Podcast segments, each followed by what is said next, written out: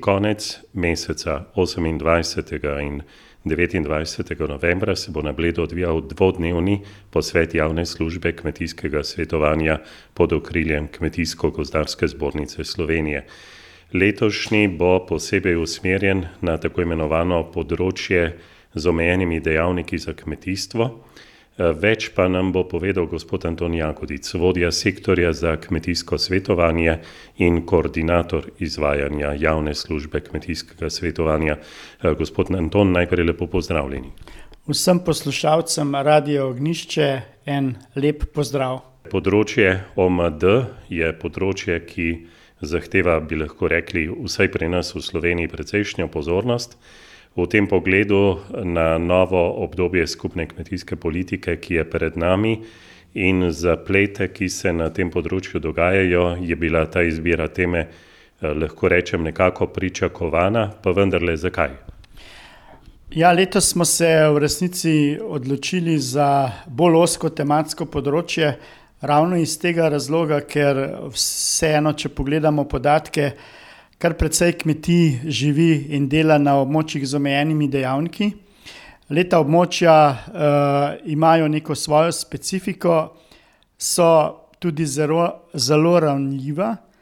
Če tako rečemo, so najlepši deli Slovenije, kjer kmetje v resnici garajo za vsakdanji kruh. In nekako želimo osvetliti to področje iz več vidikov. Seveda čisto vsega na takem posvetu ne moremo povedati, vendar pa želimo izpostaviti težave, ki jih imajo kmetje na teh območjih, izzive, s katerimi se lahko spopadamo, in pa kaj jim mi kot služba, javna služba kmetijskega svetovanja pri tem lahko pomaga. Poglejte, sam posvet bo dvodnevni, že prvi dan pa bodo sodelovali tudi eminentni gostje iz tujine. Kakšno besedo o njih, dva sem videl v programu. Prvi dan nas bo najprej nagovorila ministrica za kmetijstvo, gozdarstvo in prehrano, gospa Irena Šinko. Takoj zatem pa bo govornik, predstavnik, zelo visok predstavnik Evropske komisije, on je direktor direktorata za kmetijstvo, znotraj katerega je tudi to, to področje, torej gorska območja in pa območja z omejenimi dejavniki. No, ke na posvet smo privabili tudi organizacijo Euromontana. To je pa vseevropska organizacija, ki se na evropski ravni ukvarja z različnimi politikami, ki segajo na ta območja. Ta območja niso samo problematična z vidika pridelave hrane in izzivov, ki jih imamo, ampak tudi iz zagotavljanja infrastrukture, sociale na tem podeželju, potem preživetja ljudi, komunikacije med njimi, socialna vprašanja, problematiko nasledstva na teh kmetijah, skratka niz teh področij ta evropska organizacija pregleduje, se jih dotika in na rednih srečanjih obravnava. Zaradi tega se nam je zdelo pomembno, da predstavnik te organizacije tudi spregovori na našem posvetu, kar se do sedaj še ni zgodilo. Zanimivo, ampak potem v popoldnevu pa bodo se nadaljevali različni pogledi na slovensko stvarnost, torej področij z omejenimi dejavniki za kmetijstvo, kot pravimo OMD področjem, in tudi tam imate zanimive goste. Ja, eden od obsežnejših referatov bo izvedlo Ministrstvo za kmetijstvo, gozdarstvo in prehrano. Tukaj želimo predvsem zadnje poudarke in vedenja iz razvoja implementacije strateškega načrta skupne kmetijske politike. potem si bomo pogledali napovedi in podatke o stanju kmetijstva za leto enaindvajset in napovedi za leto dvaindvajset. nato bomo kot Kmetijsko-gozdarska zbornica predstavili svoj odziv na povedano, predvsem z vidika vsebin območij z omejenimi dejavniki. No, v popoldanskem dnevu pa se bomo dejansko posvetili še bolj podrobno tem območjem in tukaj imamo vrsto zanimivih predavateljev, tako uh, gospoda Tomaža Cundra z Kmetijskega inštituta Slovenije, uh, potem gospoda Silvestra Kranca z Ministrstva za kmetijstvo in pa gospe dr. Andreje Borec, ki pa uh, tudi praktično vse življenje posveča raziskovanju značilnostim in politikam na teh gorskih območjih. V, v nadaljevanju popoldanskega dela posveta pa bodo spregovorili kmetijski svetovalci, ki bodo osvetlili različne vidike uh, teh območij, tako z, uh, glede napadov z velikimi zveri, glede upravljanja s travinjem na teh območjih, glede rabe tehnike na teh območjih, uh, vinogradništva na teh območjih, uh, koriščenja investicijskih sredstev na teh območjih in pa uh, pristopov k prenosu znanja na teh območjih. Ta referat bo pa predstavila kolegica iz Biotehnične fakultete, ker je del uh, nekega širšega uh, ciljno-raziskovalnega projekta, v katerem tudi Kmetijsko-gozdarska zbornica sodeluje.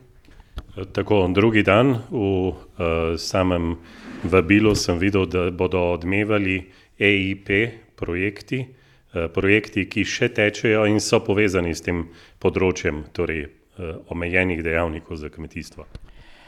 Morda je zdaj v tem trenutku uh, zelo pomembno povedati, da je posvet, tako kot uh, že nekaj let do sedaj, v bistvu dvojni dogodek. V prvem dnevu je dogodek javne službe kmetijskega svetovanja kot tak, tudi z vsebinami. V drugem dnevu je pa to dogodek Evropskega partnerstva za inovacije, EIP.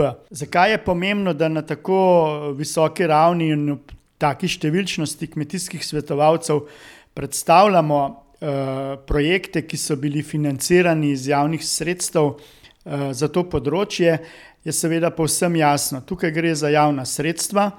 Eh, ki so jih izvajalcev projektov prejeli. Eh, projekti po definiciji morajo odgovoriti na probleme kmetov. V teh projektih tudi kmetje sami sodelujejo in svetovalci se morajo seznaniti z problematiko, ki jih projekt naslavlja, še zlasti pa z rešitvami, ki so nastale znotraj teh projektov. Tukaj ne gre za samostojno zgodbo Slovenije, ampak eh, se ta odvija po celotni Evropski uniji. Namreč preko 3200 projektov je bilo v tem obdobju planiranih in skoraj toliko tudi izvedenih. In kar veliko problemov, ki jih kmetje imajo tudi v Sloveniji, se najde v rešitvah teh projektov, tako doma, kot tudi v tujini.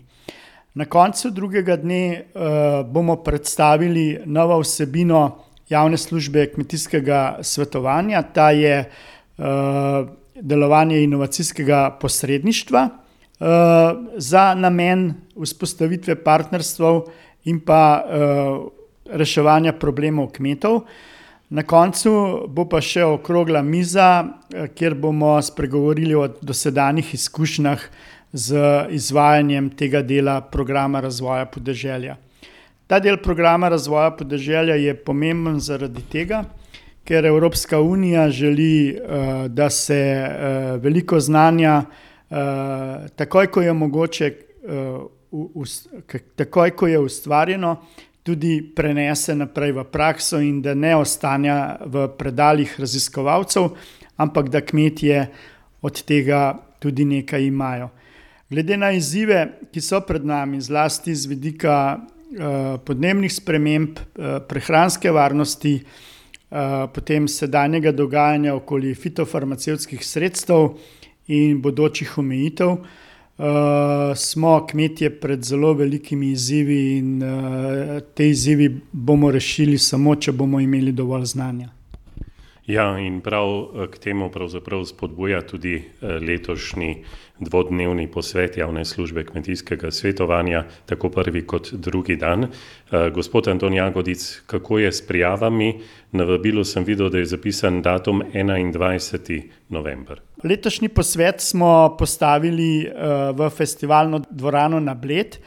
In uh, seveda želimo vedeti, koliko interesa obstaja za ta posvet, za udeležence, ki bodo spremljali posvet v živo na sami lokaciji. Zato je postavljen ta datum in prosim vse, ki bi se želeli prijaviti, da se prijavijo čim prej.